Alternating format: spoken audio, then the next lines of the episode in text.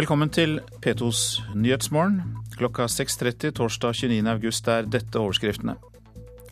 Hemmelig etterretningsarkiv i Oslo blir undersøkt. Forsvaret skal ha lagret sensitiv informasjon om familiene til E-tjenestens kilder.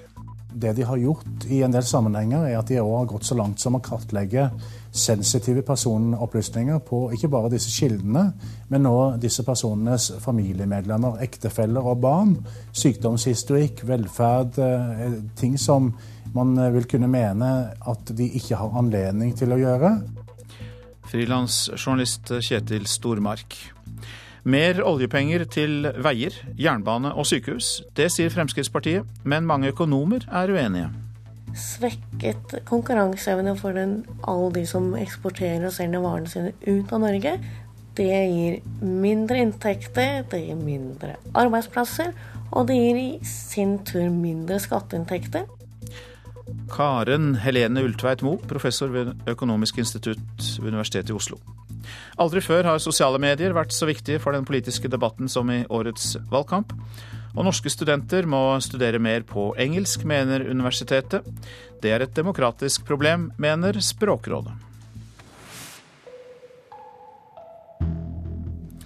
Et uh, hemmelig militært etterretningsarkiv i Oslo sentrum blir nå undersøkt.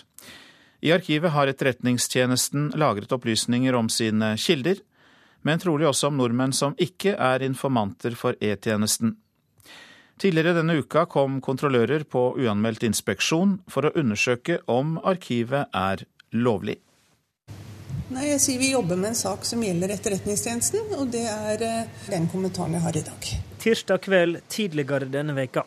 Ni personer kommer ut fra havnelageret rett ved Operaen. Bygningen som huser mediebedriftene NTB og Dagbladet, men også en rekke forsvarsavdelinger. De ni jobber for EOS-utvalget, Stortingets kontrollorgan for de hemmelige tjenestene. I fire timer har de ni vært i et rom bak ei grå metalldør som er låst med kodelås. Der inne ligger noe som Etterretningstjenesten kaller fagarkivet. Har dere tatt med dere noe? Kan ikke gi deg noe mer kom kommentar enn den du har fått. Sier leder i EOS-utvalget Elbjørg Løver når hun er på vei ut. Den militære etterretningstjenesten innhenter informasjon om trusler mot Norge fra utlandet. Målet er at vi skal være trygge. For å få informasjon bruker de både utlendinger og nordmenn som kilder. Informasjon om nordmenn som jobber for dem, ligger trolig her i arkivet i Oslo sentrum. Men i sommer fikk Løver sitt utvalg tips om at de burde se nærere på arkivet i havnelageret. I samarbeid med NRK og Dagbladet forteller frilansjournalist Kjetil Stormark i dag hva han har funnet ut at E-tjenesten har der. Det de har gjort i en del sammenhenger, er at de òg har gått så langt som å kartlegge sensitive personopplysninger på ikke bare disse kildene, men nå disse personenes familiemedlemmer, ektefeller og barn. Sykdomshistorikk, velferd, eh, ting som man vil kunne mene at de ikke har anledning til å gjøre. Ifølge en Stormark har snakka med, blir absolutt alt av opplysninger som gjelder etterretningskjeldene, registrert. I arkivet ligger det etter det Stormark sine kjelder sier, papirmapper på 400 nordmenn, med opplysninger om dem, og i mange tilfeller familiene deres. Og hvorav mange av disse norske statsborgerne har fremtredende posisjoner eh, i Norge. Det er bedriftsledere, det er byråkrater, det er diplomater. Dette fagarkivet har eksistert eh, i mange år. Hvor lenge, det er litt uklart. At E-tjenesten kan samle informasjon om sine egne kilder, er det ikke tvil om i lovverket. De må vite om personene som gir dem informasjon, er til å stole på. Spørsmålet er om E-tjenesten også har lov til å kartlegge familien til kilden sin, og om de kan kartlegge folk som kan bli kilder i fremtida. Ifølge lovteksten kan E-tjenesten bare samle informasjon om kildene sine, E-tjenesten vil ikke la seg intervjue om denne saken, men har sendt en skriftlig uttalelse til NRK. E-tjenestens egenundersøkelser av de påstandene som framsettes, tilsier så langt ikke at det skal foregått virksomhet utover rammene i lov og instruks. Forsvarsminister Anne Grete Strøm Eriksen sier hun vil kommentere saken senere i dag. Reportere her Kristine Svendsen, Håvard Grønli og Olav Døvik. NRK har samarbeidet med Dagbladet og med frilansjournalist og forfatter Kjetil Stormark om avsløringen. Nyhetsdirektør i NRK Per Arne Kalbakk, hvorfor har NRK valgt å samarbeide med et annet medium og med forfatter eh, Stormark?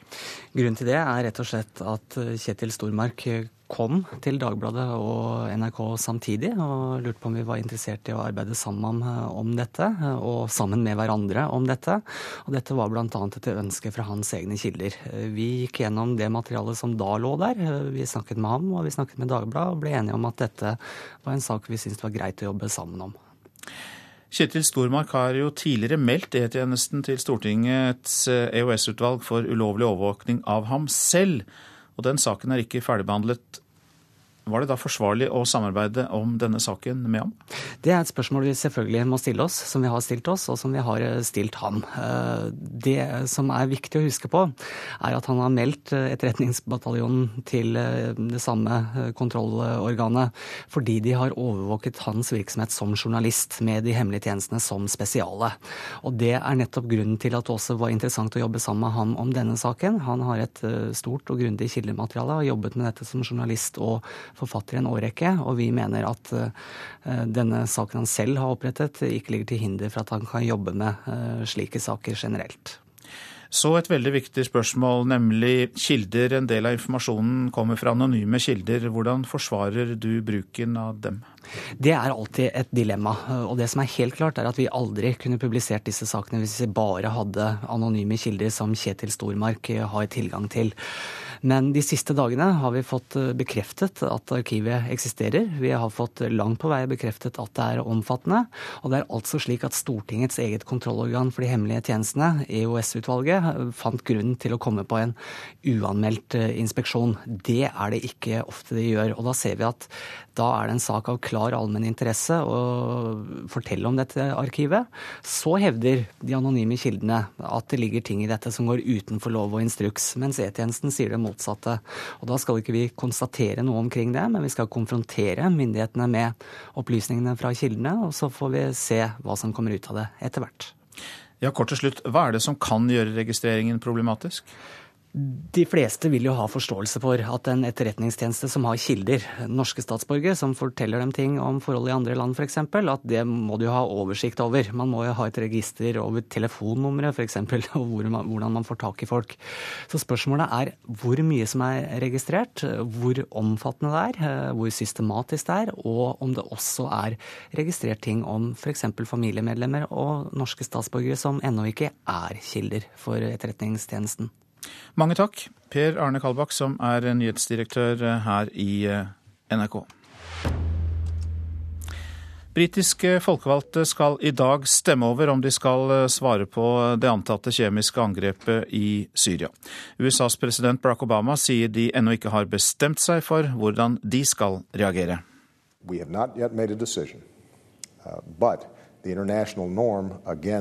the use of chemical weapons needs to be kept in place, and uh, nobody disputes, or hardly anybody disputes, that chemical weapons were used on a large scale in Syria against civilian populations. Vi har ikke bestemt oss ennå, men internasjonale lover mot kjemiske våpen må opprettholdes. Nesten ingen tviler på at det var kjemiske våpen som ble brukt mot sivile, sier USAs president Barack Obama. Han er videre overbevist om at de syriske opprørerne ikke har kjemiske våpen som kan ha blitt brukt i så stor skala, og at det derfor er Assad-regimet som står bak. We have looked at all the evidence, and we do not believe the opposition possessed nuclear weapons of that or uh, chemical weapons of that sort. We have concluded that uh, the Syrian government, in fact, carry these out, and if that's so,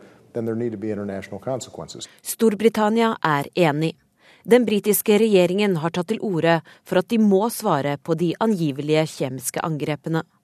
Men opposisjonen er skeptisk og vil ha en avstemning før landet bestemmer seg. Syria på sin side ser nå ut til å evakuere de fleste soldatene sine fra militære anlegg og fra sentralkommandoen i Damaskus. Bakgrunnen er frykten for et vestlig rakettangrep.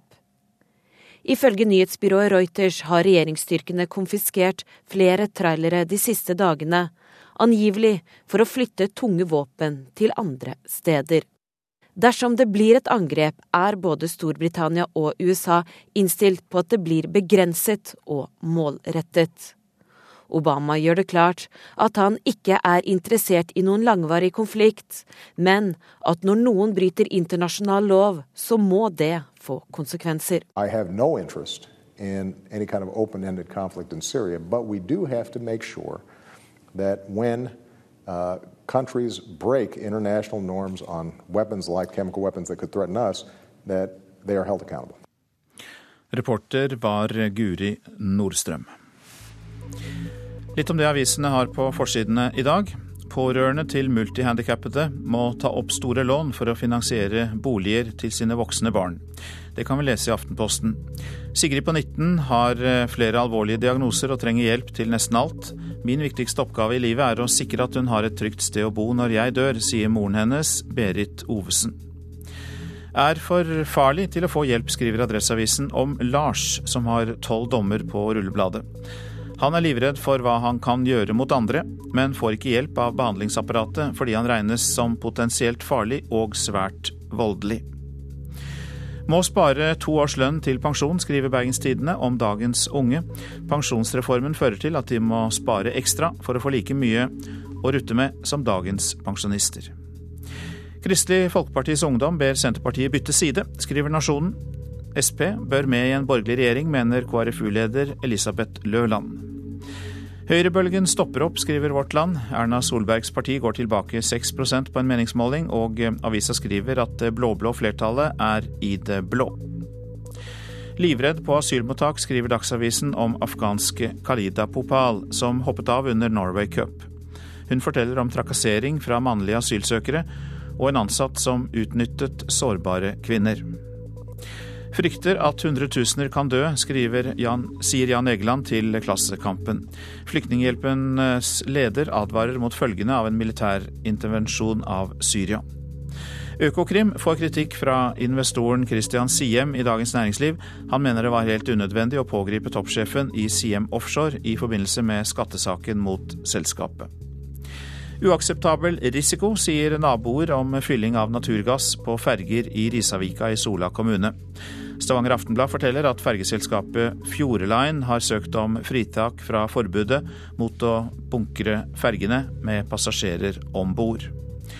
Helseministeren forteller om sin uhelbredelige hudsykdom til VG. 50 000 andre nordmenn lider av samme hudsykdom som Jonas Gahr Støre, som fører til flekker med melkehvite områder i huden. Fremskrittspartiet mener det ikke skader norsk økonomi dersom vi bruker mer oljepenger på samfunnsøkonomisk lønnsomme investeringer, veier, jernbanestrekninger og sykehus. NRK har spurt 15 av de mest fremtredende økonomene i Norge om det er lurt. Nesten alle er uenige med Fremskrittspartiet. Nei, det er ikke smart. Det er ikke fornuftig. Det er akkurat like fornuftig som det det er å gå og ha en kjempefest i dag, som alle syns er veldig hyggelig å ha men hvor man drikker for mye, og så dagen etterpå så har man en skikkelig bakrus. Å bruke mer oljepenger i dag vil gi en svært ubehagelig bakrus for fremtidige generasjoner. Det mener økonomiprofessor Karen Helene Ultveit Moe ved Universitetet i Oslo. Nye motorveier mellom hovedstaden Trondheim, Bergen og Kristiansand er blant de samfunnsøkonomisk lønnsomme veistrekningene som blir bygd i full fart dersom Frp får gjennomslag for sin alternative handlingsregel. Vi syns det er bedre å investere litt mer oljeformuen i Norge. Og Så lenge du er streng på at de økte investeringene som Frp vil tillate, kun skal være de samfunnsøkonomisk lønnsomme investeringene, så vil det være fornuftig for norsk økonomi. Det vil være fornuftig for neste generasjon og du øker ikke muligheten for å sløse med pengene. Sier finanspolitisk talsmann i Frp, Ketil Solvik-Olsen. Hans partileder Siv Jensen er het kandidat til posten som finansminister etter valget. Men FrPs alternative handlingsregel, altså å bruke mer av oljefondet enn de fire prosentene man har blitt enige om, anbefales overhodet ikke av ekspertene. NRK har spurt 15 av de mest fremtredende økonomene innenfor akademia, finans og arbeidslivsorganisasjonene. 14 av disse advarer mot økt oljepengebruk, selv om det handler om lønnsomme investeringer i vei, jernbane eller sykehus. å løsne opp i oljepengebruken skaper et voldsomt press i økonomien i dag. Det vil i morgen bidra til svekket konkurranseevne for den, alle de som eksporterer og selger varene sine ut av Norge. Det gir mindre inntekter, det gir mindre arbeidsplasser, og det gir i sin tur mindre skatteinntekter, og derfor dårligere helse, dårligere veier, dårligere skoler mener økonomiprofessor Karen Helene Ultveit Moe ved Universitetet i Oslo. Den eneste av økonomene som helt krystallklart gir Frp støtte til målet om å skille mellom utgifter til investeringer og drift på statsbudsjettet, er sjeføkonom Elisabeth Holvik i Sparebank1 Gruppen. De har absolutt et godt poeng. Altså det jeg syns er viktig, det er at en, en, en veit at Norge har et langsiktig utfordring med utgifter til eldrebølgen og at vi vil få et kraftig inndekkingsbehov i framtida. Hun mener smarte investeringer kan gjøre oss bedre rusta til å takle eldrebølgen, men Holvik er i mindretall. Ketil Solvik-Olsen må konstatere at økonomene er imot FrPs alternative handlingsregel. Økonomene sine eh, protester handler veldig mye om at en sløser med penger i dagens statsbudsjett. og Det er jeg helt enig i. Det brukes veldig mye penger som gir dårlig avkastning, og som er dårlig brukt. Det Fremskrittspartiet sier, er at vi må i statsbudsjettet skille mellom forbruk og investering. Vi vil flytte de samfunnsøkonomisk lønnsomme investeringene i realkapital ut av budsjettet, og la de få tilført oljepenger til å kunne framskyndes. Det betyr at du får mer lønnsomme investeringer gjort i Norge. Og eh, mer om denne saken eh, kan du lese på nrk.no. Reportere Linda Reinholdsen og Johan B. Settem. Dette er Petos eh, Nyhetsmorgen, og klokka den er 6.47 der. Vi har disse hovedsakene. Hemmelig etterretningsarkiv i Oslo sentrum blir undersøkt. Forsvaret skal ha lagret sensitiv informasjon om etterretningskilders familie. Mer oljepenger til veier, jernbane og sykehus, sier Fremskrittspartiet. Nei, det kan føre til svekket konkurranseevne, lavere inntekter og færre arbeidsplasser, sier økonomer. Og vi skal høre at en høyt elsket 29 år gammel dirigent fra Venezuela har inntatt Stavanger. Fotball nå. Tromsø sliter tungt i Eliteserien, men er likevel det norske laget som har størst mulighet til å nå Europaligaens gruppespill. Tromsø leder 2-1 etter første oppgjør mot tyrkiske Besjiktas, men det er ikke sikkert at laget må vinne sammenlagt for å gå videre etter kampen i Istanbul. Ingenting er umulig, men samtidig så eh, vet vi jo det at de her kampene lever sitt eget liv. og Besiktas kan fort være prega litt av den eh, situasjonen de er i forhold til Europaligaen. Og med Fenebarse sin dom så er det vel kanskje mye som kan tyde på at Besiktas også kan lide samme skjebne, uten, uten, at man skal forskuttere noe. For onsdag bestemte den internasjonale voldgiftdomstolen seg for å opprettholde utestengelsen av tyrkiske Fenerbahçe, som er mistenkt for kampfiksing. Besiktas er opprinnelig utestengt for det samme, og risikerer samme skjebne, men klubben får ikke svar på anken før etter kampen mot Tromsø. Her må vi forberede oss så godt vi kan. Vi får denne muligheten. og Vi må, vi må vinne i morgen hvis vi skal videre. Det er vårt utgangspunkt. Og Skulle det da bli en, eh, at de blir utestengt, så, eh, så, får det være på fredagen når den dommen kommer. Og uansett på hvilken måte Tromsø skulle kvalifisere seg, er det derimot ingen tvil om hvor viktig det eventuelt vil være. Ja, det er klart at Vi satser på å trekke attraktive lag, skulle vi komme inn. og Da er det muligheter for å fylle Alfheim, absolutt. Direktør Vegard Berge Johansen i eh, Tromsø, og reporter eh, Anders Mjåland og Gunnar Grinstein. Aldri før har sosiale medier vært en så stor og viktig informasjonskanal for politisk debatt som i årets valgkamp. Facebook, Twitter, blogger og nettet har blitt eh, viktige brikker i spillet om politisk makt, men så er det slik at ikke alle er like begeistret. Vi minner om at NRK Valg er jo overalt om dagen, og vi er også på Facebook. Hvis du vil ha full oversikt over det vi driver med, så stikk innom der og lik sida vår. Der kan du også komme med innspill. Når kameraet er slått av og mikrofonene stengte i TV og radio, svinger debatten videre på Facebook, Twitter og på nettet ellers. Til glede for svært mange, men ikke for alle. Når det gjelder Twitter, så er jo det Blindeforbundet i Møre og Romsdal har jo ansvar for Facebook-siden. Vi er på styremøte i Blindeforbundet i Møre og Romsdal. Stortingsvalget er tema, det samme er den omfattende bruken av sosiale medier for å møte politikere, for å hente og dele informasjon i valgkampen, for å debattere politikk. For de 130 000 blinde og svaksynte i landet er det slettes ikke enkelt å henge med i alle svinger. Det erfarer også fylkesleder Tor Tyslum. Dette blir altså faktisk en todelt situasjon. Eh, fordi de unge som eh, har lært data opp igjennom på skolenivå og på studentnivå, de takler dette her helt, helt greit. Dette med Twitter og Facebook, det kom ikke inn før jeg sjøl mista synet. Så jeg er av de som sliter og har problemer. Og jeg føler meg vel faktisk ekskludert i alt som henvises til disse sosiale mediene.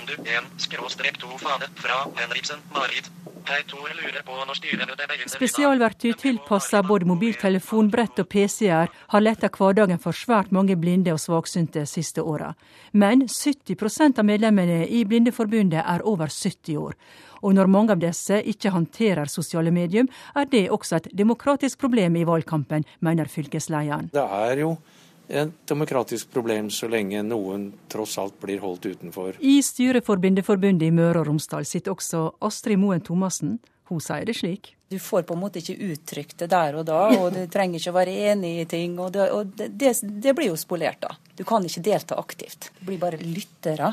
Nå er det jo slik da livet er, at det kommer nye generasjoner. Og utviklingen den går jo bare sin gang. Så vi tror jo kanskje om 20 år så er jo ikke dette her noen problemstilling i det hele tatt. Men i mellomtiden så er det nok noen som uh, føler seg tilsidesatt. Det som jeg ser som vår hovedoppgave fremover, vil jo være simpelthen å være vaktbikkje og eh, til enhver tid bidra med den kompetansen som vi måtte inneha for å utvikle både de sosiale mediene, passe på at de blir tilpasset, og også hjelpe våre grupper til å være med i større grad. Vaktbikkje, simpelthen. Og vi skal være veldig flinke til å bjeffe. Ja, det sa Kai Korneliussen, som sitter i styret for Blindeforbundet i Møre og Romsdal. Reporter Sissel Brunstad. Pensum på engelsk er hverdagen for mange studenter på høyere utdanning i Norge. Globaliseringen krever det, mener universitetene. Nei, det er et demokratisk problem. Det utelukker noen fra høyere utdanning, sier Språkrådet. Det å få inn noen sånne faguttrykk som ikke er så mye i, i film og det vi er vant til fra før, er litt annerledes. Christian Andresen og Øystein Oppen Schjøtz sitter over formler og oppgaver i ei av kantinene ved Universitetet i Oslo. De nyimmatrikulerte medisinstudentene har mesteparten av pensum på engelsk. Og det byr på en del ukjente ord. Potens, at det liksom er scientific notation og sånn, sånn uttrykk. da. Density, massetetthet, sånne, sånne ting syns jeg i hvert fall sånn Må pugge litt av det. Schjøtz og Andresen er gode i engelsk, og det må de være. For på høyere utdanning kan en ikke regne med å få bøkene på norsk. Jeg tror kanskje ikke alle er like, like glad for det. I en ny rapport fra Nordisk institutt for studier av innovasjon, forskning og utdanning er pensum på bachelornivå for sju høyere utdanninger ved de største institusjonene i landet gjennomgått. Og norske realfagsstudenter må finne seg i å lese på engelsk. I informatikk, fysikk og biologi er under halvparten av pensum på norsk. I biologi er over 80% på engelsk. Hele den sektoren er jo pekt ut som sånn, eh, et av de områdene der norsk er mest eh, pressa. Sier seniorrådgiver i Språkrådet Dagfinn Simonsen. Man må sikre at det også skal kunne brukes norsk. For eh, noe annet ville være demokratisk problematisk. Hvorfor det? Ja, Det handler jo om adgang til høyere utdanning og tilgang til kunnskap. Men studiedekan ved Matematisk-naturvitenskapelig fakultet ved Universitetet i Oslo, Solveig Christensen, mener det er nødsynt at realfagsstudentene leser på engelsk. Utdanningen ved et universitet er satt i en internasjonal sammenheng. Studentene våre må være i stand til å lese og vurdere faglitteratur på engelsk. Og det er en eh, kunnskap de må ta med seg når de kommer ut i arbeidslivet. Ja, altså Det er jo et problem for eh, norske fagspråket. Sier forskeren bak rapporten Vera Schwach. De som studerer, arbeider jo med viktige ting for oss. Så det er også viktig at man har ord på vårt eget språk, og at de også er en del av en offentlighet hvor dette faktisk skal diskuteres. Reporter her, det var Maria Pile Svåsand. Christian Vasques fra Venezuela har inntatt Stavanger. Vi snakker om den nye dirigenten for Stavanger symfoniorkester. Orkesteret jubilerer i sitt 75. år med Malers storslagne symfoni nummer to i kveld. Det samme verket som var gjennombruddet for orkesterets nye dirigent, 29 år gamle Christian Vasques. Og det rapporteres om at den unge dirigenten allerede har rukket å bli høyt elsket av musikerne i Stavanger symfoniorkester. One, two.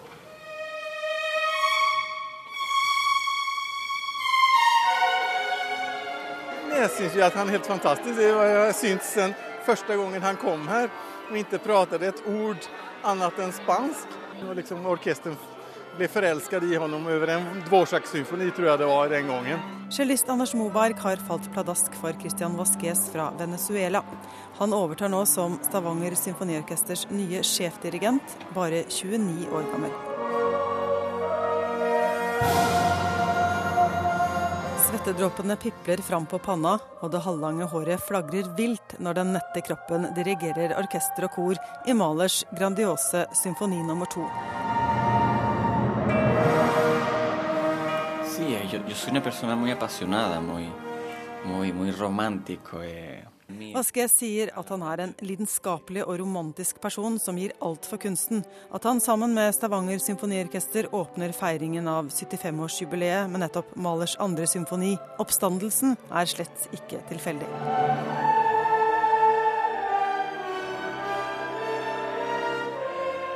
Bueno, porque bueno, Mahler para mí una obra muy especial. Con esa obra hice mi, mi primer debut en Caracas, en Venezuela. Mitt lykkeverk, sier Vasques om Malers andre. En YouTube-video fra hans debutkonsert i Caracas med nettopp dette verket gjorde at han ble oppdaget som profesjonell og ettertraktet dirigent i 2008. Nå vil han løfte fram Stavanger med flere nye og store verk. Y que la Stavanger, o sea, que cuando la gente diga, escuchen de Stavanger, que no sea solamente og el salmón. Vasques vil vise at Stavanger har mer å by på enn olje og laks. Og han har konkrete planer om å jobbe med unge og underprivilegerte også her i oljelandet, inspirert av det sosiale musikkundervisningsprosjektet El Sistema i Venezuela, som han selv kommer fra. Det nye konserthuset i Stavanger er en velsignelse og et privilegium, sier Vasques. Og det er jammen dirigenten også, sier førstefiolinistene Sveinung Sand og Ingerine Dahl. Hans alder og, og hva skal vi si, freshe approach kan være med på å dra en del yngre lyttere til salen. Altså Hvis han bruker så mye energi, så kan vi ikke bruke mindre, for å si det sånn. Og Nett Johansen Espeland var reporter. Rockebøler, skifte, kaos. Radioselskapet jakter tre ord som oppsummerer essensen av stortingsvalget 2013. Send inn dine tre ordbidrag på SMS til 1987 med kodeord 'Selskapet', eller legge inn ditt bidrag på våre Facebook-sider. Et eh, førvalgsoppdrag til deg, kjære lytter, fra Radioselskapet, som du hører klokka 11 på NRK P2. Og mitt oppdrag nå det er været. Østlandet enkelte regnbyger i Hedmark, ellers opphold. Telemark og Agder skyet eller delvis skyet oppholdsvær. Rogaland litt regn. Hordaland og Sogn og Fjordane skyet eller delvis skyet oppholdsvær. Fra i formiddag perioder med regn. Møre og Romsdal skiftende skydekke, perioder med sol. Trøndelag skiftende skydekke, enkelte regnbyger i Namdalen, ellers opphold. Helgeland og Saltfjellet. I fjellet liten kuling først på dagen. Enkelte regnbyger. Fra i kveld etter hvert oppholdsvær i indre og sørlige strøk. Salten, Ofoten, Lofoten og Vesterålen. Regnbyger, vesentlig i øst. Troms. I fjellet liten kuling, av og til stiv kuling. Regnbyger. Kyst- og fjordstrøkene i Vest-Finnmark. Kuling utsatte steder. I kyststrøkene stiv kuling. Fra i ettermiddag av og til vestlig sterk kuling omkring Nordkapp. Regnbyger, mest i kyststrøkene. Finnmarksvidda stort sett opphold og perioder med sol. Øst-Finnmark liten kuling utsatte steder. Enkelte regnbyger, vesentlig i nordlige kyststrøk. Perioder med sol kan det bli. Nordensjøland på Spitsbergen enkelte regnbyger. Temperaturer klokka fem. Svalbard seks, Kirkenes sju, Vardø åtte, Alta og Tromsø ni. Bodø og Brønnøysund ti. Trondheim-Værnes ni. Det samme hadde Molde ni grader. Bergen-Flesland ti. Kristiansand-Kjevik 12, Gardermoen og Lillehammer 11. Røros 3 grader, Oslo-Blindern 14 grader da klokka var fem i natt. Og hvis det var noen som savnet Stavanger, så stemmer det. Heller ikke i dag har vi fått inn temperatur fra Stavanger.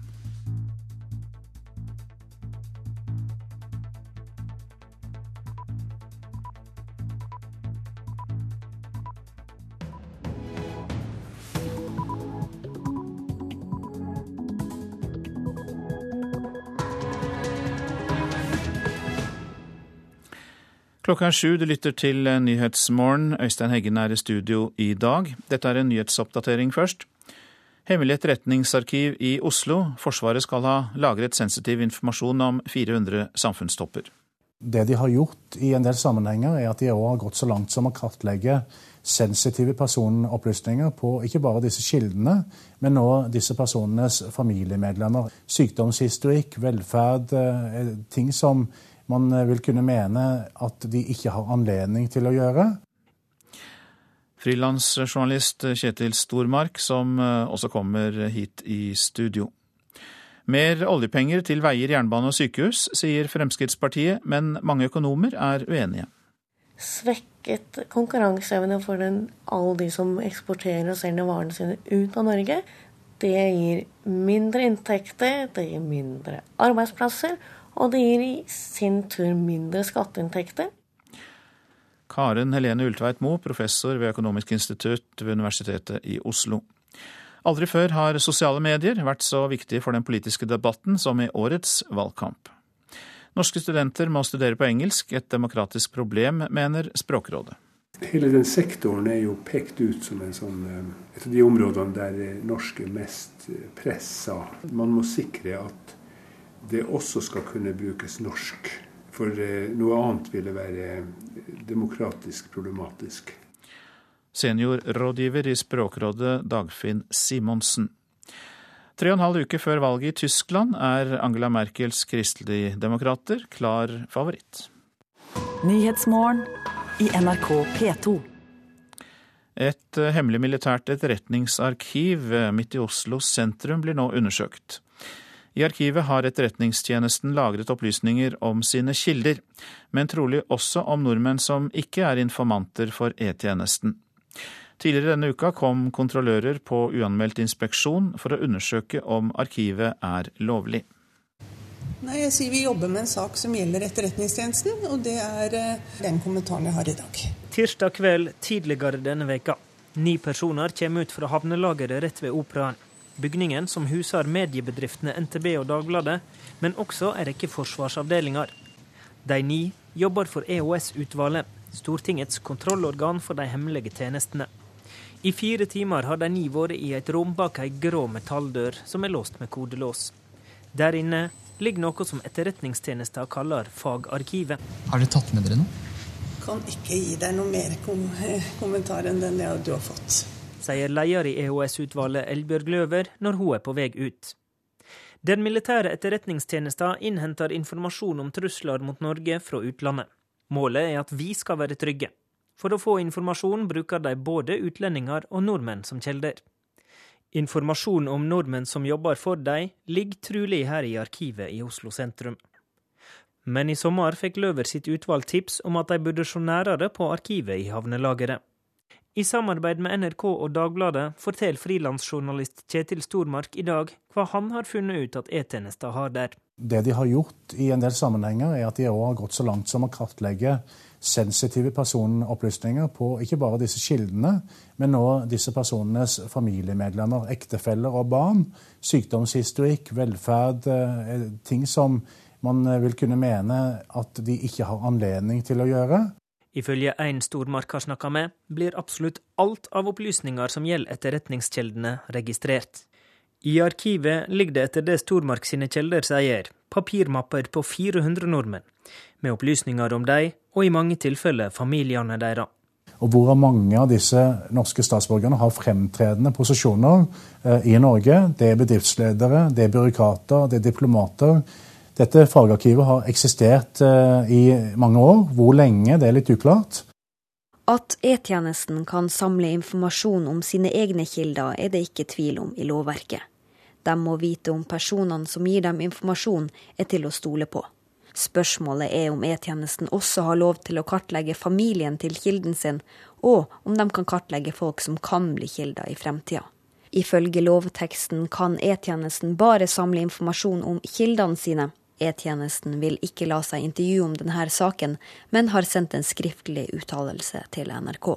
E-tjenestens egenundersøkelser av de påstandene som framsettes, tilsier så langt ikke at det skal ha foregått virksomhet utover rammene i lov og instruks. Forsvarsminister Anne Grete Strøm Eriksen sier hun vil kommentere saken senere i dag.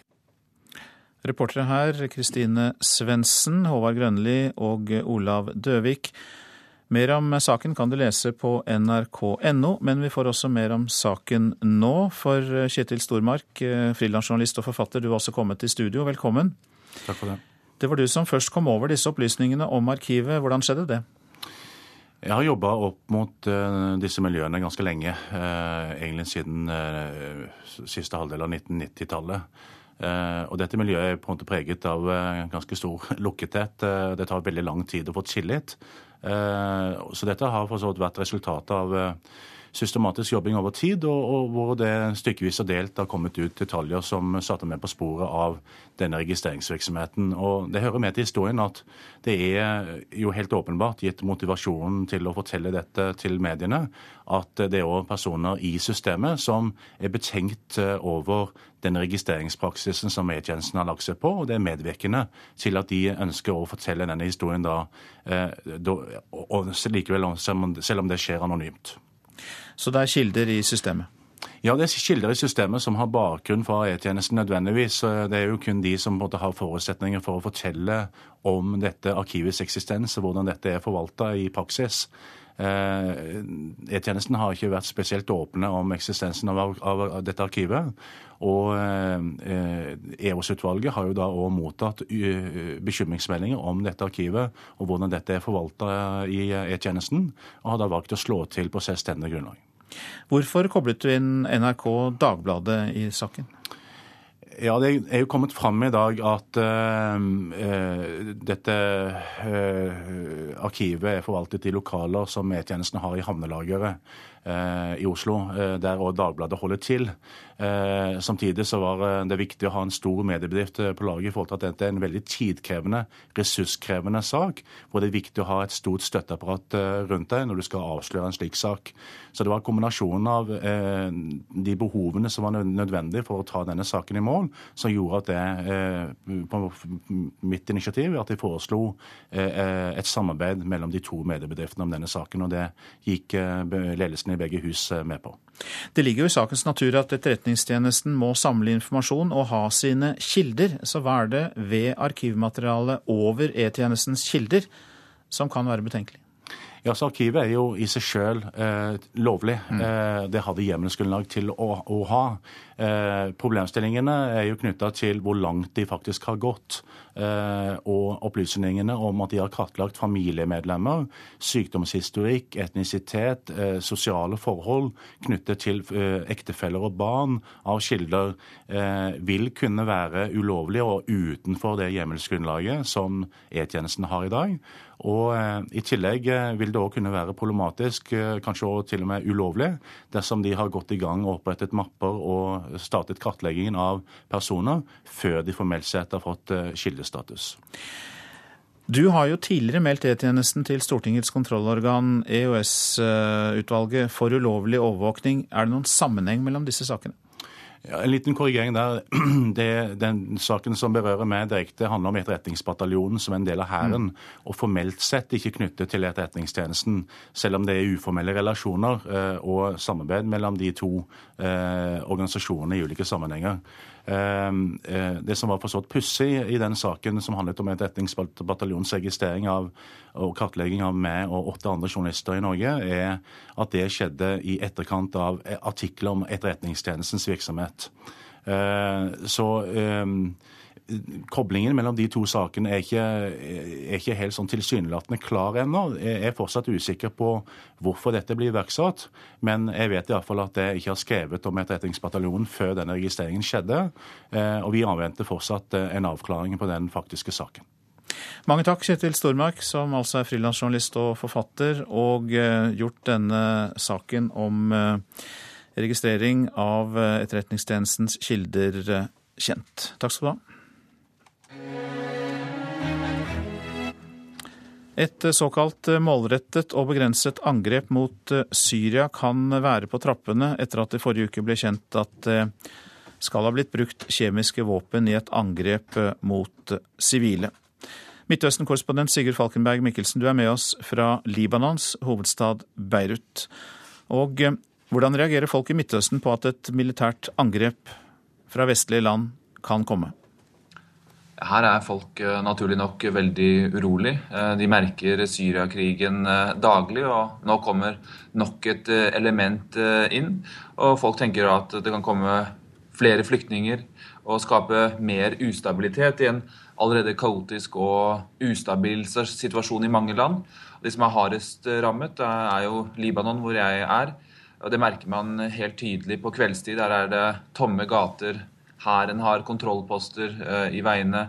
Sjiamuslimske organisasjonen Hizbollah har det i sine områder. Det har vært en opptrapping med flere bilbombeangrep her i det siste. og En libaneser sa til meg i går at de kan eh, lukte at krigen kommer, og de har jo en viss erfaring med dette. Inne i Syria hvordan forbereder man seg på et mulig angrep der?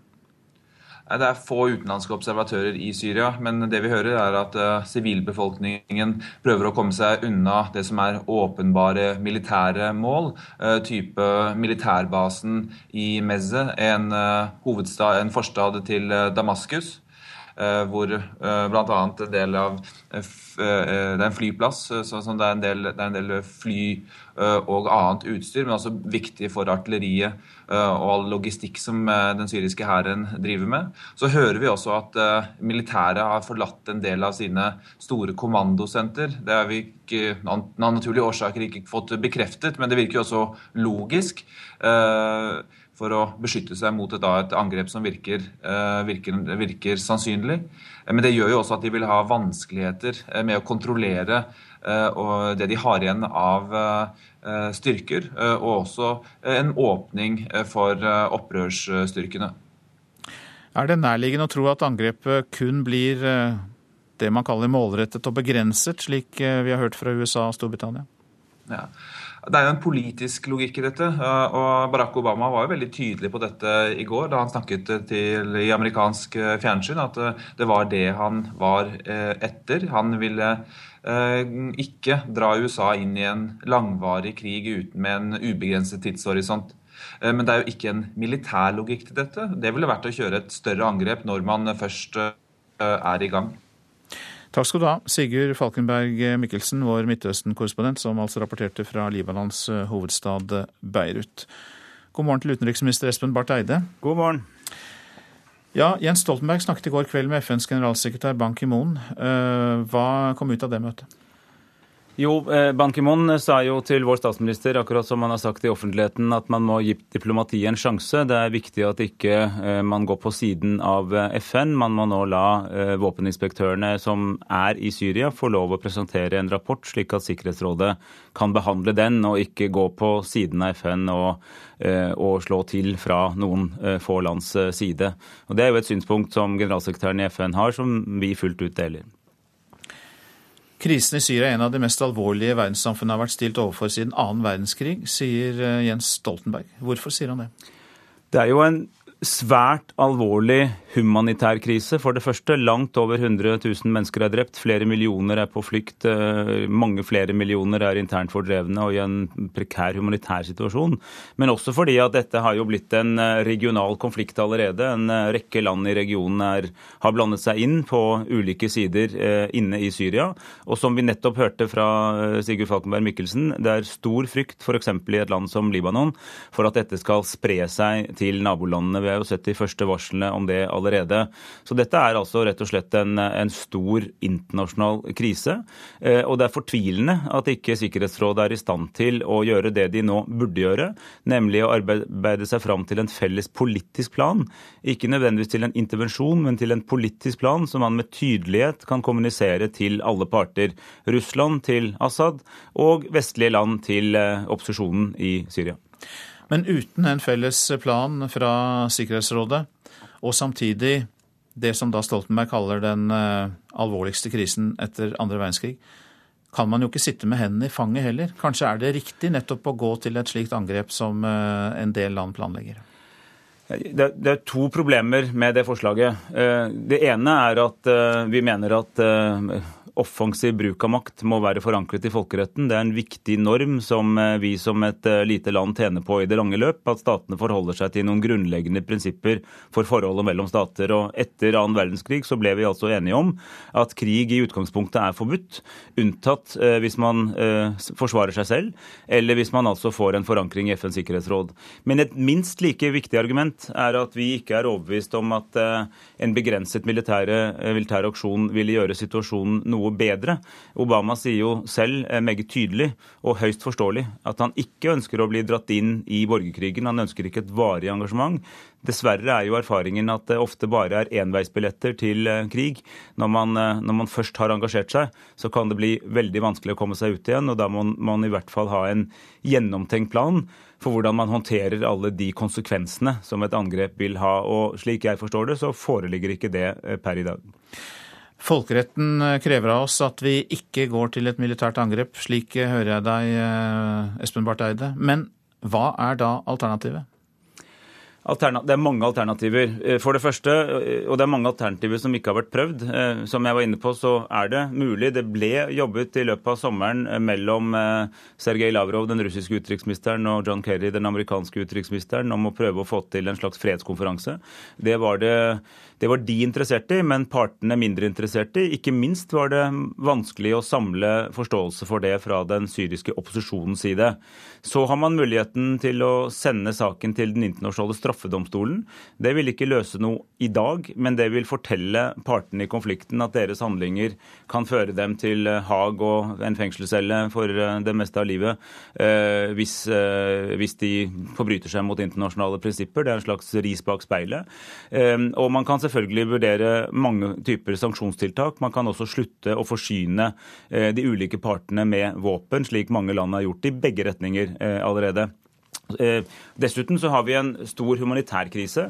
Vi har jo nå nylig trappet opp vårt humanitære bidrag, slik at både norske hjelpeorganisasjoner og internasjonale humanitære organisasjoner kan arbeide både rundt Syria, men ikke minst inne i Syria. Og vi jobber nå veldig nært med dem for å bedre deres adgang til de internt fordrevne eh, inne i eh, Syria. Så det er jo ikke det at vi ikke gjør noe, det er bare det at vi ikke er overbevist om at eh, noen dager med bombeangrep av mer symbolske årsaker vil gjøre ting bedre.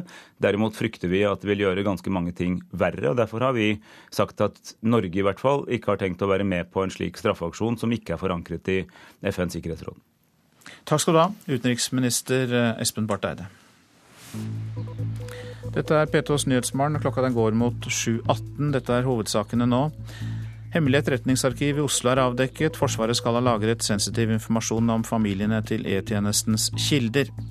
Mer oljepenger til veier, jernbane og sykehus, sier Fremskrittspartiet. Nei, det kan føre til svekket konkurranseevne, lavere inntekter og færre arbeidsplasser, sier flere økonomer.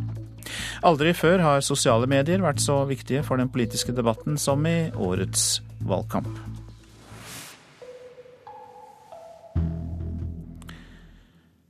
Tre og en halv uke før valget i Tyskland er Angela Merkels kristeligdemokrater klare favoritter. Men det er høyst uklart hvordan hun skal greie å danne et regjeringsdyktig flertall i parlamentet. En joker i det tyske maktspillet er det venstreradikale Linkspartei, som denne uka presenterte sine kandidater i Berlin. Jeg er på valgmøte i Köpenick, en bydel langt sør og øst i det vidstrakte Berlin. I denne delen av den tyske hovedstaden står det venstreradikale Linkspartei, etterfølgerne til det østtyske kommunistpartiet, fortsatt sterkt, snart 25 år etter Berlinmurens fall. For et drøyt år siden ringte våre motstandere med dødsklokkene. Det er vel tiende gang i partiets historie vi opplever dette, sier talsmann for De Linke, Hanno Harnisch. Men nå viser målingene at vi har en stabil oppslutning på 8-9 på landsbasis, og her i Köpenick er vi fortsatt et av de to største partiene, sier han. Partileder Katja Kipping sier nei til et militært angrep mot Syria, og krever en slutt på den tyske våpeneksporten. De Linke er i liten grad blitt en del av det etablerte politiske Tyskland. I kampen mellom høyre- og venstresiden foran forbundsdagsvalget om drøyt tre uker, står partiet for en tredje vei med sine radikale synspunkter i utenrikspolitikken og i økonomiske spørsmål. Aber Det er et bra parti, sier Heidi Fels fra Köpenick. Som alle partier er det ting som kan bli bedre, men jeg mener De Linkspartei er bedre enn de andre. Jeg er helt enig med partiet i at den tyske velferdsstaten er i ferd med å bli rasert etter at sosialdemokratene gjennomførte den beryktede Agenda 2010-reformen, sier hun. De Linke kan egentlig spille en nøkkelrolle etter valget den 22.9. Mye tyder på at verken dagens sentrum-høyre-regjering eller den rød-grønne opposisjonen får absolutt flertall i den nye forbundsdagen. Og da kan De Linke bli tungen på vektskålen. Til nå har sosialdemokratene sagt nei til samarbeid, men partiveteranen Gregor Gysi tror ikke siste ord er sagt. Nach der Wahl werden doch irgendwie Gespräche beginnen, weil die SPD Etter valget må vi begynne å snakke sammen, for sosialdemokratene vil da innse at de ikke kan danne noen ny regjering uten oss, sier Gregor Gysi, førstekandidat for Die Linkspartei i bydelen Köpenick her i Berlin. Reporter i Berlin var Arnt Stefansen. Egypt bør ikke forby Det muslimske brorskapet eller ekskludere brorskapet fra politikken. Det sier Egypts midlertidige statsminister Hasem el-Beblawi. Utsagnet skaper spekulasjoner om at overgangsregjeringen, som er innsatt av det militære, forsøker å få til en politisk løsning på krisen i landet. En svensk eliteskole stenges etter at to yngre elever ble torturert med varmt strykejern. Det har vært flere tilfeller av vold på den eksklusive kostskolen Lundsberg også tidligere. Og i morgen må 200 elever forlate skolen, som blir stengt i seks måneder, skriver VG Nett. Minst 24 personer mistet livet i oversvømmelser da elva Niger gikk over sine bredder i Malis hovedstad Bamako. Oversvømmelsene kom etter et styrtregn i går og førte til store ødeleggelser. Nærmere 800 000 dansker sier nei til å delta i spørreundersøkelser. Det er blitt så mange at danske samfunnsforskere ikke klarer å få representative utvalg som grunnlag for sin forskning. Det skriver den danske avisa Politikken i dag. Og Varg Vikenes er tiltalt for rasistiske utsagn mot muslimer og jøder. Den drapsdømte nordmannen ble pågrepet i Frankrike i juli for å ha planlagt en terroraksjon, men ble løslatt da fransk politi ikke fant bevis for det. Nå står han tiltalt i Paris for offentlig oppfordring til rasehat og for å forsvare krigsforbrytelser, skriver Dagbladet. En tidligere fastlege i Oslo er pågrepet i Irak og siktet for millionsvindel og salg av vanedannende medikamenter til pasienter. Han ble pågrepet i Norge i 2008, men ble ikke varetektsfengslet og forsvant fra landet, skriver VG. Fastlegen skal også ha svindlet Nav og en rekke banker for millionbeløp. Så til det avisene skriver i dag. Pårørende til multihandikappede må ta opp store lån for å finansiere boliger til sine voksne barn. Det kan vi lese i Aftenposten. Sigrid på 19 år har flere alvorlige diagnoser og trenger hjelp til nesten alt. Min viktigste oppgave i livet er å sikre at hun har et trygt sted å bo når jeg dør. Det sier moren hennes, Berit Ovesen. Er for farlig til å få hjelp, skriver Adresseavisen om Lars, som har dommer tolv dommer på rullebladet. Han er livredd for hva han kan gjøre mot andre, men får ikke hjelp av behandlingsapparatet fordi han regnes som potensielt farlig og svært voldelig. Må spare to års lønn til pensjon, skriver Bergens Tidende om dagens unge. Pensjonsreformen fører til at de må spare ekstra for å få like mye å rutte med som dagens pensjonister. Kristelig Folkepartis Ungdom ber Senterpartiet bytte side, skriver Nasjonen. Senterpartiet bør med i en borgerlig regjering, mener KrFU-leder Elisabeth Løland. Høyrebølgen stopper opp, skriver Vårt Land. Erna Solbergs parti går tilbake seks prosentpoeng på en meningsmåling, og avisa skriver at det blå-blå flertallet er i det blå. Livredd på asylmottak, skriver Dagsavisen om afghanske Khalida Popal, som hoppet av under Norway Cup. Hun forteller om trakassering fra mannlige asylsøkere og en ansatt på mottaket som utnyttet sårbare kvinner. Frykter at hundretusener kan dø, sier Jan Egeland til Klassekampen. Flyktninghjelpens leder advarer mot følgene av en militær intervensjon av Syria. Økokrim får kritikk fra investor Christian Siem i Dagens Næringsliv. Siem mener det var helt unødvendig å pågripe toppsjefen i Siem Offshore i forbindelse med skattesaken mot selskapet. Uakseptabel risiko, sier naboer om fylling av naturgass på ferger i Risavika i Sola kommune.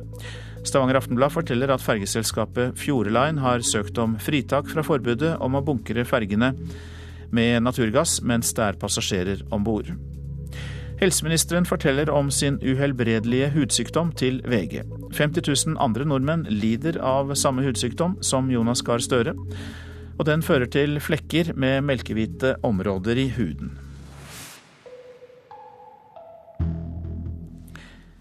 Et nasjonalt forbud mot tigging er blant sakene som engasjerer i valgkampen. I Trondheim ønsker de rød-grønne en innskjerping av reglene framfor et forbud. Blant folk i byen er meningene delte. Det kan kanskje begynne å gå noen på nervene til tider. Hvis det begynner å føle etter oss, men så lenge de bare sitter der, så er det ikke noe problem for min del. Jeg syns det er greit med forbud mot tigging. For jeg syns det er nedverdigende av de folkene at vi må kunne hjelpe dem på en annen måte enn at de skal sitte rundt omkring på gatene, sånn at de fleste ser ned på dem. For vi kryper ikke langs gata, vi heller. Bystyret i Trondheim sa i april nei til å forby tigging. Det er ikke åpning i lovverket til å innføre slike forbud lokalt. I stedet vil politikerne skjerpe politivedtektene, sier Arbeiderpartiets Jon Stene. Det høringsdokumentet som har gått ut, handler om en innskjerping av eh, tigging i gatene i Trondheim. Kanskje vi skal ha færre antall tiggere, kanskje vi skal ha bestemte plasser. Kanskje det skal være forbudt f.eks. For å tigge på natt, på søndag. Eh, i boligstrøk rundt omkring, og ikke minst på, på den viktigste plassen, altså på eh, bussholdeplasser og sånn. Og at oppsøkende tigging ikke skal være lov. Vi står utenfor Vår Frue kirke sentralt i Trondheim. Her fraråder begravelsesbyråer pårørende å ha seremonier etter episoder med tigging og bråk. Det sies det, ja. Og det er så uverdig som det går an å være. Arbeiderpartiet er mot et tiggerforbud, mens Høyre, Frp og Senterpartiet er for. Selv om antall tiggere har gått ned i Trondheim i år, vil Høyres Yngve Brox ha et forbud. Fordi at det her er også et fenomen som går i bølger. I gågata Nordre sitter 23 år gamle Andrea med nedslått blikk og pappkoppen foran seg. Min mamma syk. Andrea forteller at mora er syk. Hun skjønner ikke nok engelsk til å forstå at det pågår en politisk debatt om det hun gjør. Simona Georgescu er rumensk og bosatt i Trondheim. Hun vil ha tiggerne bort. Selv om man jobber og har, prøver å ha en ordentlig liv, folk stiller spørsmål. Selvfølgelig. Og det er um, litt sjenerende å si at man kommer fra Romania, fordi alle tenker på tiggere. Er du for eller imot et tiggerforbud? Absolutt uh, for. Det er ikke bare tigging bak, det er mye mer enn det.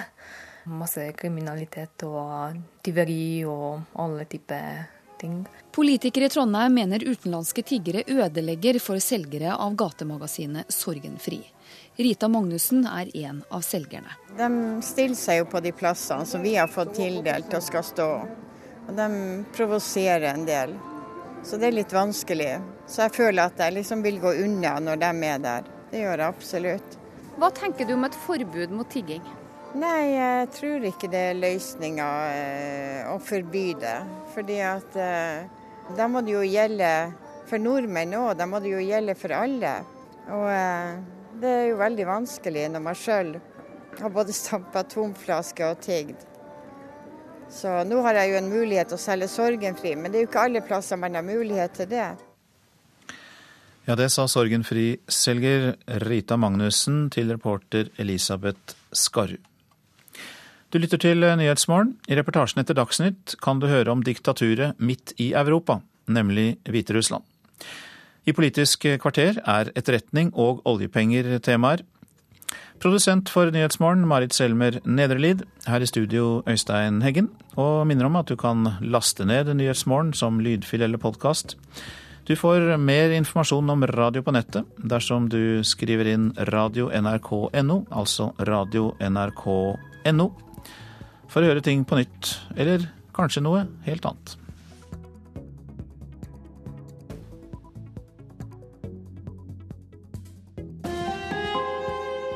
Hør ekko. En stemmeseddel oppi en boks hvert fjerde år. Så tar politikerne seg av resten. Det er vel nok demokrati, det? Eller kunne du tenke deg å sitte i møter og justere budsjettpostene for sykkelstien og ungdomsklubben i din kommune? Er det det som menes med mer demokrati? Ekko 9 11 i NRK P2. Hemmelig etterretningsarkiv granskes. Forsvaret kan ha lagret opplysninger om flere hundre nordmenn. Fremskrittspartiet vil bruke mer oljepenger på vei og sykehus. Det kan gi en økonomisk bakrus, svarer eksperter. Og Ole Einar Bjørndalen sikter på en karriere som idrettspolitiker. Her er NRK Dagsnytt, klokken er 7.30. Ja, sensitive personopplysninger om flere hundre samfunnstopper og familiene deres kan være lagret i et hemmelig militært etterretningsarkiv i Oslo sentrum. Tidligere denne uken gikk Stortingets egne granskere til aksjon mot arkivet for å undersøke om det er lovlig. Nei, jeg sier Vi jobber med en sak som gjelder Etterretningstjenesten, og det er eh, den kommentaren jeg har i dag. Tirsdag kveld tidligere denne veka. Ni personer kommer ut fra havnelageret rett ved Operaen. De ni jobber for EOS-utvalget, Stortingets kontrollorgan for de hemmelige tjenestene. I fire timer har de ni vært i et rom bak ei grå metalldør som er låst med kodelås. Der inne ligger noe som Etterretningstjenesten kaller fagarkivet. Har dere tatt med dere noe? Kan ikke gi deg noe mer kom kommentar enn den du har fått. Sier leder i EOS-utvalget Elbjørg Løver når hun er på vei ut.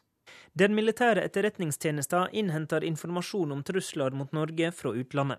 For å få informasjon bruker de både utlendinger og nordmenn som kilder.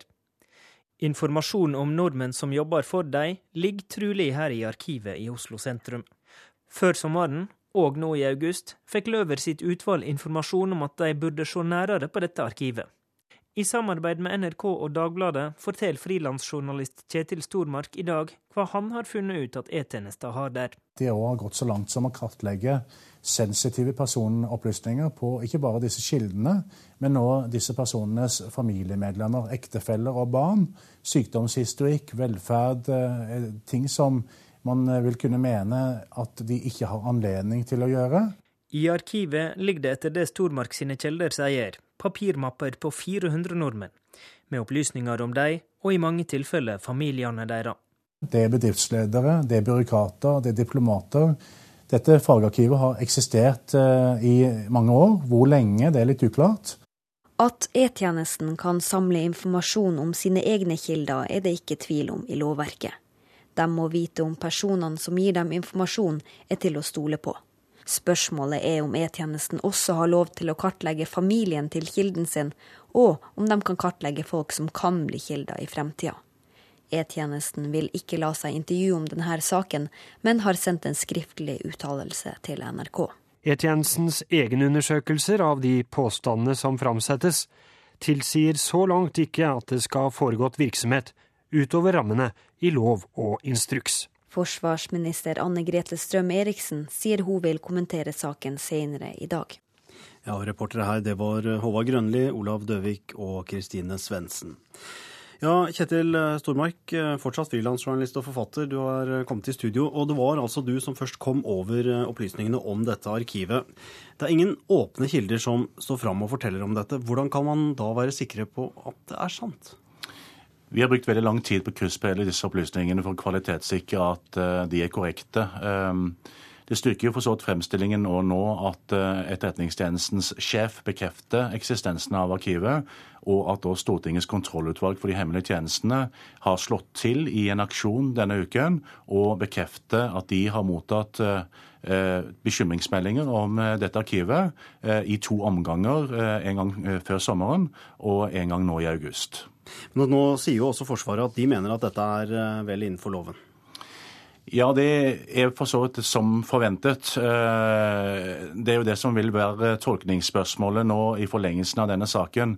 Arkivet har de lov til å ha. Eh, det er naturlig at en E-tjeneste har behov for å sikre seg at kildene de har, er troverdige. Det er òg viktig for de har bakgrunnsopplysning for å kunne vekte de ulike kildenes troverdighet eh, når de skal skrive rapporter basert på opplysningen de mottar for disse menneskene. Men det er likevel en etisk dimensjon og en juridisk dimensjon knyttet til å misbruke den tilliten som man har til sine kilder, ved å gå løs på problematiske, sensitive familieopplysninger som ikke nødvendigvis har relevans for vurderingen av en persons troverdighet. Det vil kunne være flytende grenser for hva man mener relevante opplysninger her. og Derfor er det viktig at man trekker en grense, at man nå går gjennom denne saken og tar stilling til om det som har funnet sted, om det er lovlig eller om det ikke er det. Takk skal du ha, frilansjournalist og forfatter Kjetil Stormark. USA har ennå ikke bestemt seg for hvordan landet skal reagere på det antatte kjemiske angrepet i Syria. Men president Barack Obama er sikker på at syriske myndigheter står bak. We have looked at all the evidence, and we do not believe the opposition possessed of that, or uh, chemical weapons of that sort. Vi har sett på bevisene, og vi tror ikke at opprørerne hadde våpen av den typen, sier USAs president Barack Obama. Han er nå overbevist om at syriske myndigheter står bak det angivelige kjemiske angrepet i Syria i forrige uke. Men han har ikke bestemt seg for hvordan amerikanerne skal reagere.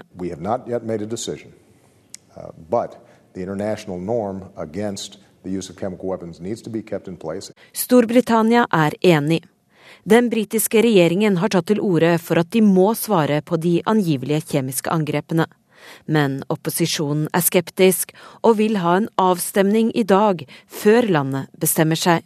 Syria på sin side ser nå ut til å evakuere de fleste soldatene sine fra militære anlegg og sentralkommandoen i Damaskus.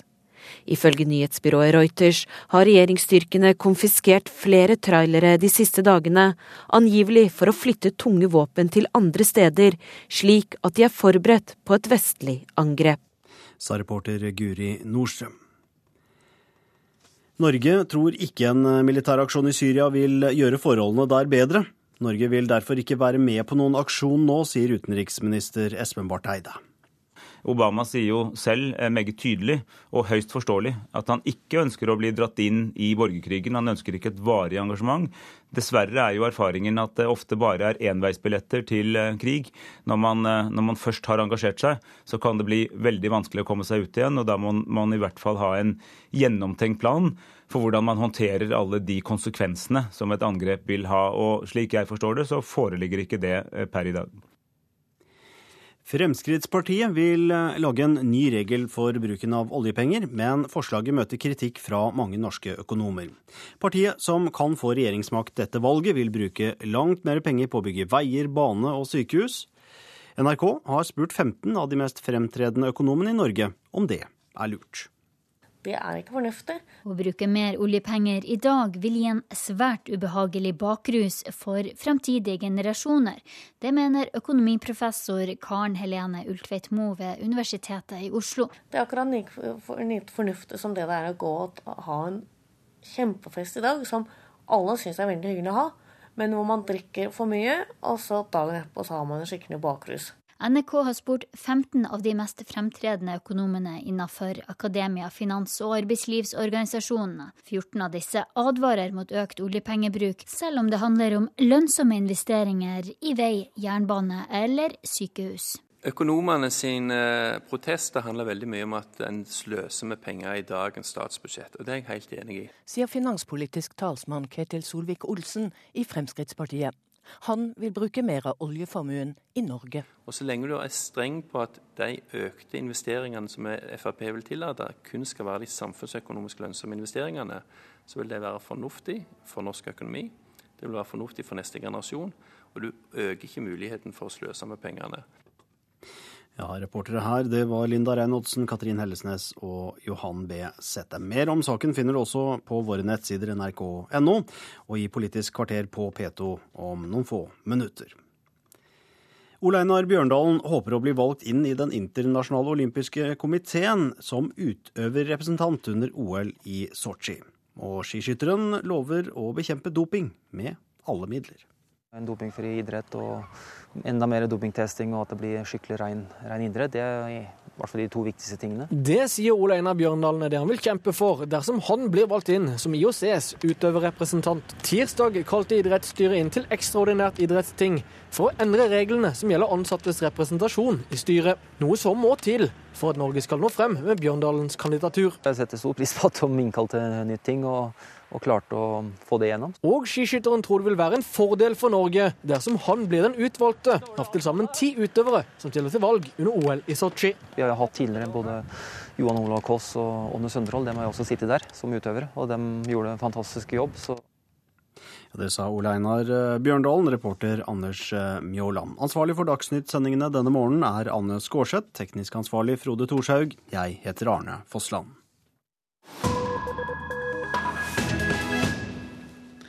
Dette er P2s eh, Nyhetsmorgen. Midt i Europa ligger diktaturet Hviterussland. Siden 1994 har landet blitt styrt med jernhånd av Aleksandr Lukasjenko. Han slår hardt ned på dem som kan true hans makt. En av dem er opposisjonspolitikeren Anatoly Lebedko, som nylig var i Oslo.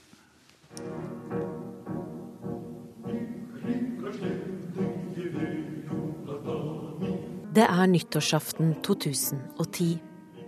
I en luftegård i det beryktede Amerikanka-fengselet i Minsk danser Anatolij Lebedko til musikken som ljomer over høyttaleren.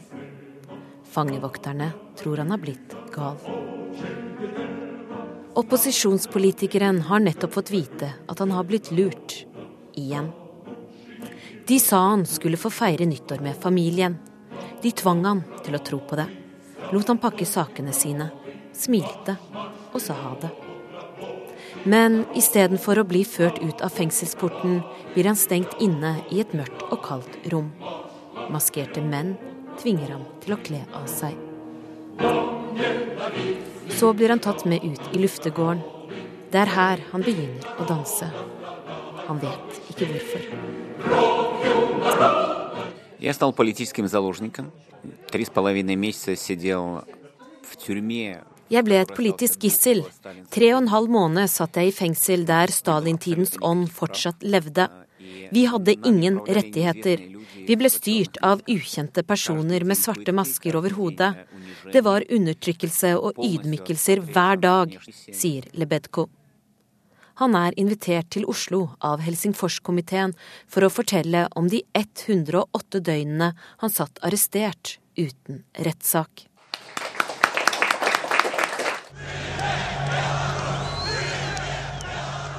2010 var optimismens år i Hviterussland. Det skulle være presidentvalg, og det hviterussiske regimet hadde endelig gått med på å gi presidentkandidatene fra opposisjonen en mulighet til å drive valgkamp. En av dem var Anatoly Lebedko, lederen av det viktigste opposisjonspartiet, Forent borgerparti. Så kommer valgresultatet, og Aleksandr Lukasjenko Mannen som har styrt landet med jernhånd siden 1994, blir utropt til vinner. Landet ble ført tilbake til Stalin-tiden, og vi fikk alle se hvordan Lukasjenko klamrer seg til makten til fingrene hans blir blå. Det var et spytt i ansiktet på alle velgerne, sier Lebedko. Han oppfordrer folk til å protestere men blir selv arrestert sammen med 30 andre ledende opposisjonelle, journalister og aktivister. Håpet om forandring får en kraftig knekk. Lukasjenkas styre er basert på tre stolper. Den første er frykt.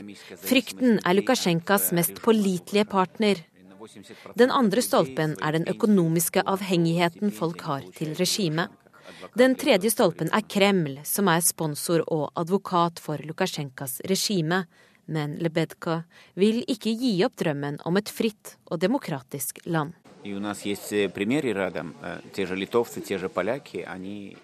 Vi har jo naboland som Litauen og Polen. De har også ofret mye, men de har fått det de ønsket seg. Den dagen Lukasjenko er borte, vil bare være første steg. Men den som går, den klarer veien. Reporter Guri Nordstrøm. Dette er hovedsakene i P2s Nyhetsmorgen. Et hemmelig etterretningsarkiv i Oslo er avdekket. Forsvaret skal ha lagret sensitiv informasjon om 400 samfunnstopper. Folk i Midtøsten er redde for et eh, angrep mot Syria, det kan være nært forestående. Og mer oljepenger til veier, jernbane og sykehus, sier Fremskrittspartiet. Nei, det kan føre til svekket konkurranseevne, lavere inntekter og færre arbeidsplasser, sier flere økonomer. Og det er klart for Politisk kvarter, som seg hør og bør på denne tida. Og hvilke politiske reaksjoner er det på dagens etterretningssak, programleder Bjørnbø? Det får du høre snart. Men vi skal også høre om liv og røre rundt økonomisk politikk. Kan Fremskrittspartiet gi økonomisk fyllesyke, er et av spørsmåla.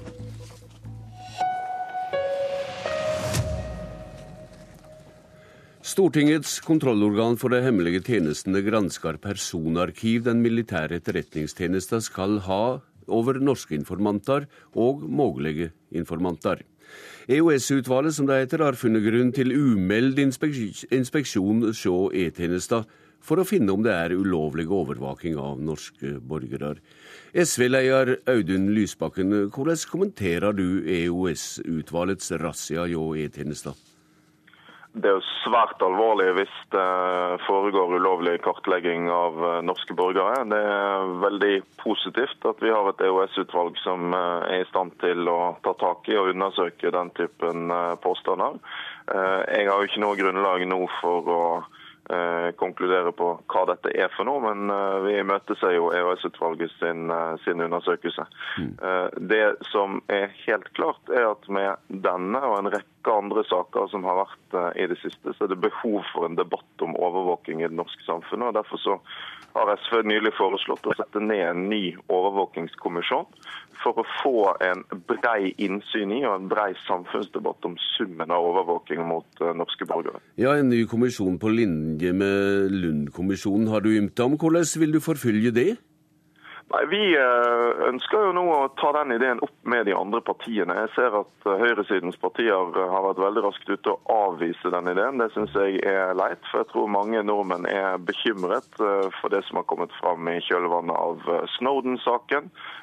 Den lange debatten vi har hatt om datalagringsdirektivet, det vi ser mm. finnes av teknologisk potensial for overvåking av norske borgere. Nå får vi også, også denne saken med, med påstander om ulovlig kartlegging. Jeg tror det ville være veldig klokt av politikerne nå å gripe fatt i eh, summen av overvåking i vår tid, og få satt ned en ny kommisjon som både kan gi oss kunnskap og forslag til handling. Nestleder i Fremskrittspartiet, Ketil Solvik-Olsen. Hvor uroa er du over disse opplysningene som NRK og Dagbladet gir i dag? Nei, Jeg mener det er grunn til bekymring. Norske borgere skal ikke frykte, eller trenge å frykte at de blir overvåket av staten. Og Fremskrittspartiet har jo en tilnærming i politikken der individene eh, har sterke rettigheter, og der staten er til for individene, ikke omvendt. Jeg er veldig glad for at EOS-utvalget har gått til dette skritt. Fordi at Da kan vi komme grundigere inn i saken og få klarhet i hva som har skjedd. Så bør vi ikke konkludere før vi vet hva utvalget kommer fram til. Nei, men Dersom det skulle være hall i at her kan det være samla personopplysninger også om folk som ikke er informanter for E-tjenester, eller kan være potensielle informanter, hvordan ser du på det? Nei, E-tjenesten skal selvsagt ikke drive overvåkning som de ikke har lov til. Og hvis det er riktig sånn som en mistenker her, så er jo det svært, svært alvorlig. Så må jeg bare minne Lysbakken om at det er den regjeringen han sitter i som har innført datalagringsdirektivet mot Frp sine stemmer, sånn at den kritikken mot høyresiden bør han òg rette mot sine egne. Den uroa du gav uttrykk for nå, kan den føre til at du likevel vil eh, si ja til Lysbakkens framlegg om en ny kommisjon for å granske de hemmelige tjenestene? Ja, Hvis det viser seg at EOS-utvalget eh, har avdekka ting som er ulovlig, og som Stortinget ikke har hatt mistanke om før, så må en selvsagt ta denne diskusjonen på ny. Vi har jo forutsatt at offentlige myndigheter forholder seg til vedtaket som Stortinget gjør. Hvis det viser seg at de går på tvers av det, så må det alvorlige tiltak til. Lysbakken, hører du litt dynamikk i ordskiftet her nå? Ja, altså Jeg eh, mener jo at uh, en ny kommisjon burde være en annerledes kommisjon enn Lund-kommisjonen. Ta tak i det som er vår tids overvåkingsutfordringer, ikke bare det som handler om myndighetenes eventuelle overvåking av enkeltpersoner, men det som kan komme fra utlandet, det som kommer via det store overvåkingspotensialet som ligger i alt fra kamera på gaten til, eh, til eh, vår deltakelse i nettsamfunn. Men jeg er, jeg er glad for eh, det. Hvis Fremskrittspartiet vil tenke på det en gang til, så vil jo jeg også understreke det samme som Solvik-Olsen sier, at nå kjenner vi denne saken fra media. Det er bra at EOS-utvalget gjør sin jobb, og så får vi forholde oss til de funnene de kommer med. Ja, men, og Det, det syns jeg er fint, men jeg syns det er litt spesielt når dere altså sittet i regjering i åtte år. og Da har jo dette vært en kultur som har fått utvikle seg mens dere styrer. og Da er det jo litt rart at dere ikke har grepet fatt i det tidligere, men lager det til en mediekamp nå. Ja, der fikk du den midt i valgkampen, Lysbakken. Ja, det er en underlig påstand. For det første stemte jo SV mot datalagringsdirektivet, som Solvik-Olsen her nevnte. Så den saken var vi faktisk enige om. For det andre så er det ikke er det altså sånn at Stortinget har et kontrollorgan som skal overvåke de hemmelige tjenestene, som skal passe på at det ikke skjer noe galt. Det er det tverrpolitisk enighet om. Mm. Men det er, det er, naturligvis, det, ja, men det er naturligvis ikke regjeringen som detaljstyrer de hemmelige tjenestene mm. uh, her. Det skal Stortinget føre en kontroll. Det vi, står vi sammen om, og så må vi se hva resultatene av det blir. Men det store spørsmålet er om vi skal starte en brei debatt sørge for å få brei innsikt i alt som i sum kan finnes av overvåking mot norske borgere. Det syns jeg det er leit at Fremskrittspartiet til nå ikke har villet være med. Eh, takk til deg, Lysbakken, i denne omgang. Eh, forsvarsministeren har meldt at eh, hun vil si noe om denne saka seinere i dag. Vi skifter tema, og du, Ketil Solvik-Olsen, blir med videre. For i dag er det økonomidag i valgkampen. I kveld har NRK TV folkemøte om emnet i Bergen. NRK har snakka med en serie toppøkonomer, og de aller fleste er kritiske til Fremskrittspartiets tanker om mer oljepengebruk innenlands og deling av budsjett mellom drift og såkalla samfunnsmessig lønnsomme investeringer. Hvor djupt inntrykk gjør denne kritikken på deg, Ketil Solvik-Olsen? Du er også finanstalsmann i Fremskrittspartiet. Ja, når jeg har hørt den kritikken på NRK, så får en inntrykk av at hvis du bruker mer penger i dag, så er det som å drikke deg skitings på en fredagskveld, og da kommer bakrusen på lørdag. Men sånne økonomer har jo da et rart forhold til alkohol og forskjellen på forbruk og investering, fordi det Frp foreslår, er jo ikke at du skal kjøpe masse alkohol til folket, altså masse velferdsordninger og ting som er kjekt å ha. Det handler om at du skal åpne for å kunne investere mer i vekstskapende mm. virksomhet. Men avviser du denne fyllesyken som vi har hørt økonomiprofessor Karen Helene Ultvedt Moe tale om i dag? Ja, Jeg syns hennes motforestilling er fullstendig urelevant. Men ja, bruker du for mye penger inn i en økonomi som går på full kapasitet, så vil det skape problem. Men det er nettopp derfor vi sier at her må du skille på forbruk og investeringer. Vi må stramme inn på forbruk, altså effektivisere offentlig sektor, kutte byråkrati, og der er det enorme potensial. Men så vil vi framskynde viktige investeringer, sånn som i vei, i bedre bygningsmasse til skole og helse. Ja. fordi at det reduserer press i økonomien i framtida. Finansminister Sigbjørn Johnsen, dette er for så vidt kjente tanker. Handlingsregelen som det holder til, inneholder også bo om investeringer. og Hvorfor er det så gale at Fremskrittspartiet peker på det? Det som er Poenget her er jo at jeg er helt enig i det som har kommet fram, og som økonomer sa på radioen i dag. for det at det, som Fremskrittspartiet prøver å gi inntrykk av, er at det å investere er gratis, mens forbruk koster penger. Og det, og det blir feil, fordi at begge deler legger press på økonomien. Begge deler betyr at du øker pengebruken, og øker du pengebruken over tid, så betyr det at lønninger går opp. Renta går opp, arbeidsplasser blir mer utrygge fordi at konkurranseevnen svekkes. Så det har en virkning i økonomien å bruke mer penger, enten det er på investeringer eller forbruk. Ja, Men dersom vi nå legger det til grunn, det du sier her, hvorfor er det så gale å skilje budsjett for drift og budsjett for investeringer? For det, for det første fordi at det er veldig vanskelig. Fordi at Noe av de viktigste investeringer vi gjør i Norge og skal gjøre i Norge i framtida, er å investere i arbeidskraften, i gode skoler, i gode lærere, i barnehager. Med andre ord bygge kunnskap og kompetanse inn i arbeidskraften. I Fremskrittspartiets opplegg så vil det være et offentlig forbruk, mens det å bygge et skolebygg er investering. Solvik-Olsen, økonomer er altså kritiske til deres ideer, og regjeringa er det. Hvordan vurderer du virkningene av dine argument som velgerfrieri? Vi har òg mange økonomer som er enige. Du hørte hva jeg spurte om? Ja, men jeg vil, jeg vil gi deg et bredere bilde enn det du legger opp til. fordi at sånn som Sjefsøkonomen i DNB, Øystein Dørum, han sier at mye av den kritikken Frp har kommet med, er riktig.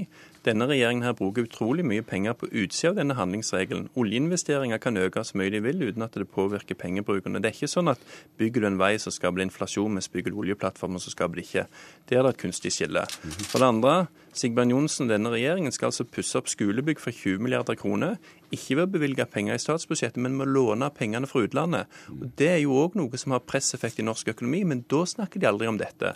Sånn at effektene av å gjøre en investering annerledes enn å bare øke velferdsordningene. Og Det er jo nettopp dette som er et viktig poeng som, som økonomene ikke har tatt med i den kritikken. det er at Vi har en produktivitetsutvikling i Norge som er svært svak. Og Da nytter det ikke bare å sitte og se hvor mange folk du har ansatt, men du må se hvor mye de får gjort.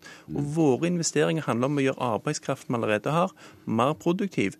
Får du en mer produktiv arbeidskraft, så reduserer du presset i norsk økonomi, for du trenger ikke like mange folk til å gjøre samme jobben som i dag. Sigbjørn Johnsen, dette høres bra ut. Du ser, du ser vel også at mer investering i til dømes veier og sykehus har appell til velgerne? Ja, Selvsagt har de det, og derfor så trapper vi opp eh, kraftig eh, investeringer i vei.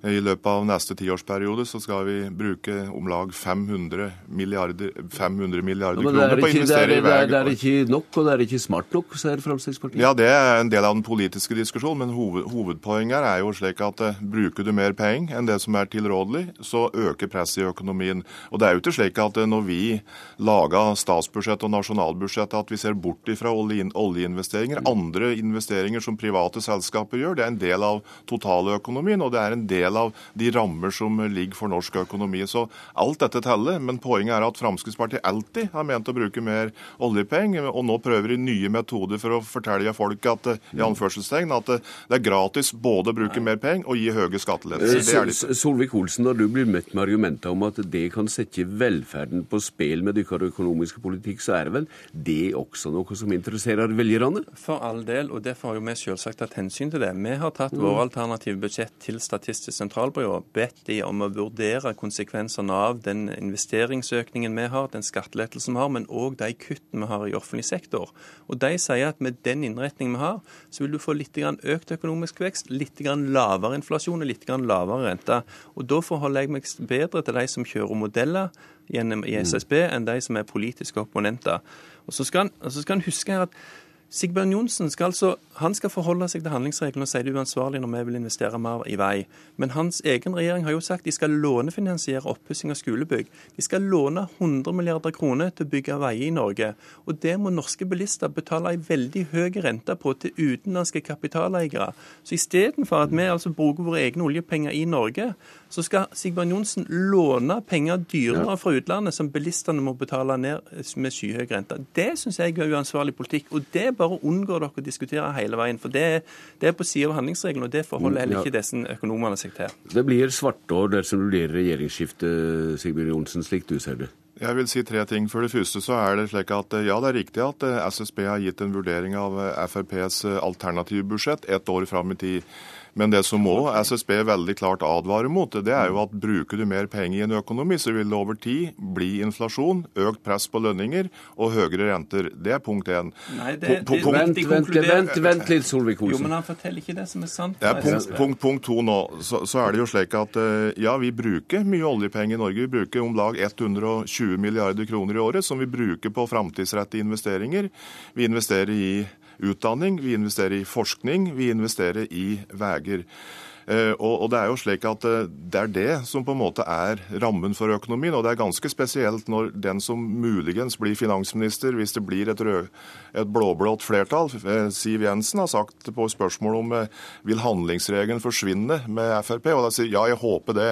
Altså En framtidig finansminister er villig til å rive ned grunnmuren mot det som gir tillit til norsk økonomi. Det er dramatisk, programleder. Da blir det uår, da, Solvik-Olsen. Vi har i Stortinget foreslått at dagens handlingsregel bør erstattes av en bedre handlingsregel, nettopp som begynner å skille mellom forbruk og investeringer. Vi har altså pålagt næringslivet å ha et sånt et skille. Norsk kommune har det skillet, men av en eller annen grunn så velger en ikke å ha det i staten. Det er feil det du sier om SSB. For SSB la fram en rapport i april som sa at hvis du øremerker økte investeringer til infrastruktur i Norge, så kan du faktisk bruke 45 milliarder kroner mer i året uten at du får det presset på økonomien som Sigbjørn Johnsen sier. Fordi at det der er handlingsrom. Hvis du importerer arbeidskraft, entreprenørselskap fra Tyskland, Spania, Italia og andre, der de går og sparker i grusen i dag, så er det en økt kapasitet, mm. tilgang til norsk økonomi. Og du må jo snart klare å se at Norge er en økonomi ja. som kan importere den arbeidskraften. Vi kan effektivisere offentlig sektor. Det er masse muligheter her hvis dere bare prøver å se mulighetene som finnes. Ja, det er riktig at det er, det er mye utenlandsk arbeidskraft i Norge som bidrar til økt verdiskapning i Norge, og som bidrar bidrar til norsk velferd. Det andre jeg vil se, er at Solvik-Olsen burde se den tabellen. Dette blir litt spesielt for Lyar ja, som ikke ser det på fjernsynet. Ja, i, og I den tabellen så viser det at over tid så øker prisstigningen, øker lønningen, renten øker, konkurransekraften blir dårligere.